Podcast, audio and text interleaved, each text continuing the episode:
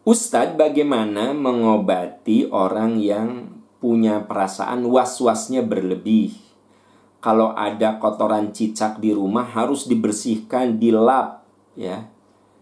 Dan dianggapnya akan eh, dianggapnya kotor, harus dilap bagaimana Ustadz? Karena kasihan juga jadi capek sendiri dengan perasaannya. Ya. Was-was itu was-was itu salah satu penyakit yang ditiupkan oleh setan kepada manusia. Ya. Was-was itu bentuknya banyak sekali. Makanya kita disuruh berlindung kepada Allah dari was-was. Surat apa? An-Nas. Qul a'udzu birabbin nas, malikin nas, ilahin nas, min syarril waswasil khannas. Dari kejahatan bisikan-bisikan yang ada pada hati manusia. Minal jinnati wan nas dari bangsa jin dan manusia. Nah, jadi was-was itu memiliki beberapa pengertian. Pertama, yang paling mendasar was-was itu bisikan setan. Anda mau pergi ke pengajian, ada was-was, ah kayaknya ustadznya nggak akan datang. Akhirnya Anda tidak jadi pergi. Nah itu was-was juga, ya begitu. Nah Anda mau nolong orang, Anda bilang, ah kayaknya mah nipu deh itu was-was. Akhirnya Anda tidak nolong saudara Anda, gitu. Jadi was-was itu salah satu hal yang dibisikkan oleh setan yang membuat kita menjadi tidak melakukan suatu amal soleh. Saya mau memaafkan seseorang. Ketika saya mau memaafkan, ada was-was. Ah, nanti dia begitu lagi, gitu lagi. Pasti nanti ngelunjak. Kalau sering dimaafkan nanti ngelunjak. Nah, itu bisikan was-was. Alladhi waswisufi. Jadi saya jelaskan dulu was-was itu apa. Jadi was-was itu salah satu strategi setan menjauhkan diri kita dari kebenaran. Itu aslinya was-was. Itu sebabnya kita mengatakan, Ya Allah aku berlindung kepadamu dari bisikan-bisikan jahat. Alladhi waswisufi sudurinas. Termasuk was-was saudara-saudara. Saya pernah mengalami pasang alarm jam 3 ya.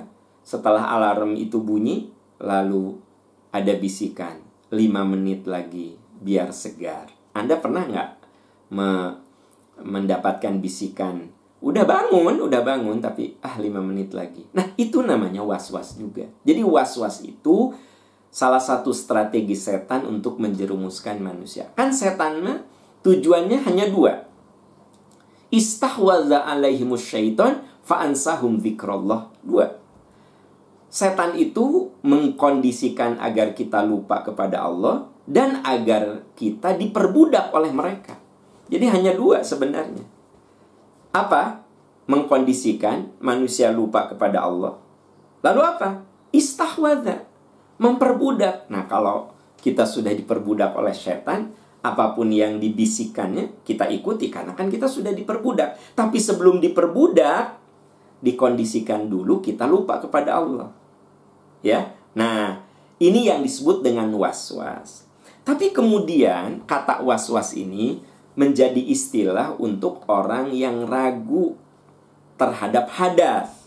Ini juga termasuk was-was, ya. Contoh, ada orang yang berwudu. Setelah berwudu itu dia ulangi lagi. Dia ulangi lagi. Dia merasa ada yang kurang. Kayaknya kaki aku terlewat deh kayaknya tangan aku terlewat deh. Sampai bajunya sudah basah kuyup, dia berwudu bisa setengah jam. Ya. Ulangi lagi. Nah, ini was-was yang harus kita bantu sebenarnya. Bantunya gimana? Kalau kita punya anak yang was-was, jangan dimarahin. Kamu tuh gimana? Wudhu nggak selesai-selesai. Lama banget kamu wudhu. Nggak boleh gitu. Dampingi. Ya, dampingi. Sok sayang, kamu berwudu mamah lihat. Nah, jadi dia kita liatin, kita udah kamu sempurna wudunya. Gitu. Sehingga nanti muncul kepercayaan diri dia bahwa aku sempurna wudunya. Jadi kalau ada orang yang punya penyakit was-was, itu justru harus dibantu, harus ditolong, ya. Kenapa?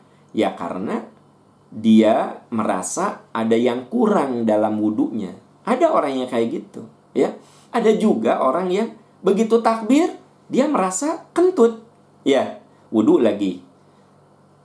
Baru serakaat kayak kentut, wudhu lagi, batal lagi, batal lagi. Ah, sholatnya bisa 10 kali ya. Nah, tapi kalau di luar sholat, dia nggak merasa begitu. Nah, itu namanya was-was was-was yang ditiupkan oleh setan.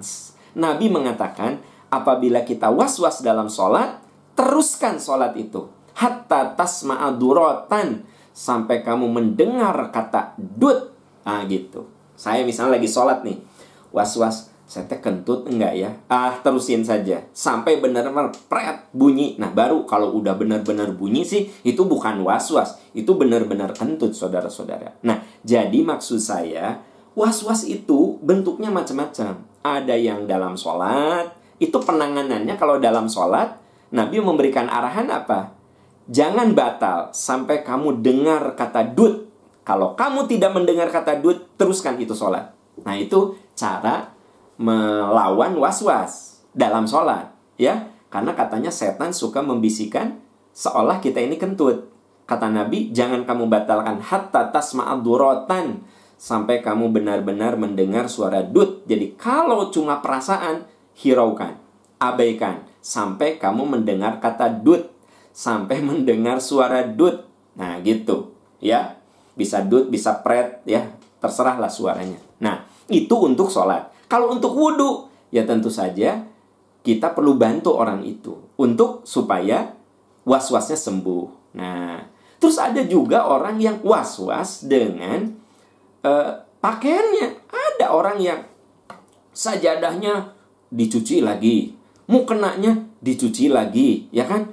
Akan kita nggak tahu. Jangan-jangan ketika kita simpen mukena itu kena pipis cecak kena apa e, kotoran cecak jangan-jangan ada tikus jadi itu dihantui pikirannya nah sebenarnya Nabi memberikan rumus dak mayuri buka ilama yuribu. Ya sahabat-sahabat kalau anda merasa mukena anda sarung anda kotor selama anda tidak lihat najis itu anda lawan pakai saja. Ah nggak nggak ada kok gitu. Lawan. Itu cara supaya setannya khonasa syaiton supaya setan tuh putus asa. Jadi jangan anda yang putus asa bikin setan yang putus asa jadi kalau misalnya anda was was aduh mau kena saya kayaknya kena kotoran ini deh kotoran cecak padahal anda nggak lihat nggak ada kotoran cecak ya kan tapi kemudian anda cuci nah anda kalah sama setan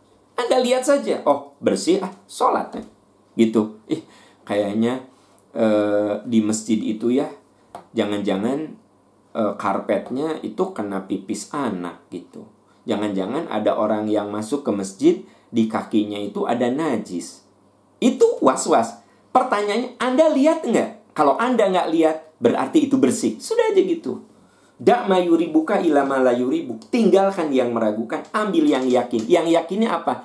Anda tidak melihat najis itu. Itu yang yakinnya. Sementara uh, kayaknya ada pipis kucing, kayaknya ada apa uh, pupnya cecak. Itu kan suatu yang diciptakan oleh pikiran Anda. Tinggalkan itu. Ambil yang yakin, yang Anda lihat dengan mata kepala Anda sendiri. Nah, persis seperti yang Tadi saya contohkan di dalam sholat. Nabi mengatakan, buang itu bisikan-bisikan setan. Ambil yang yakin. Dengan apa? Sampai kamu, kalau kamu belum mendengar suara pret atau dut, sholat lanjutkan. Nah itu rumus cara kita sembuh dari was-was dalam ibadah. Dan jangan lupa bahwa was-was itu intinya adalah setan memberikan bisikan yang membuat kita lupa kepada Allah, jauh dari Allah, dan dengan proses waktu nanti kita diperbudak oleh setan. Istahwadha alaihimus syaitan fa'ansahum zikrullah. Setan memperbudak kita dan akhirnya kita melupakan Allah. Kita melupakan Allah dan akhirnya kita diperbudak oleh setan. Semoga Allah melindungi kita semua dari hal itu. Wallahu a'lam bishawab.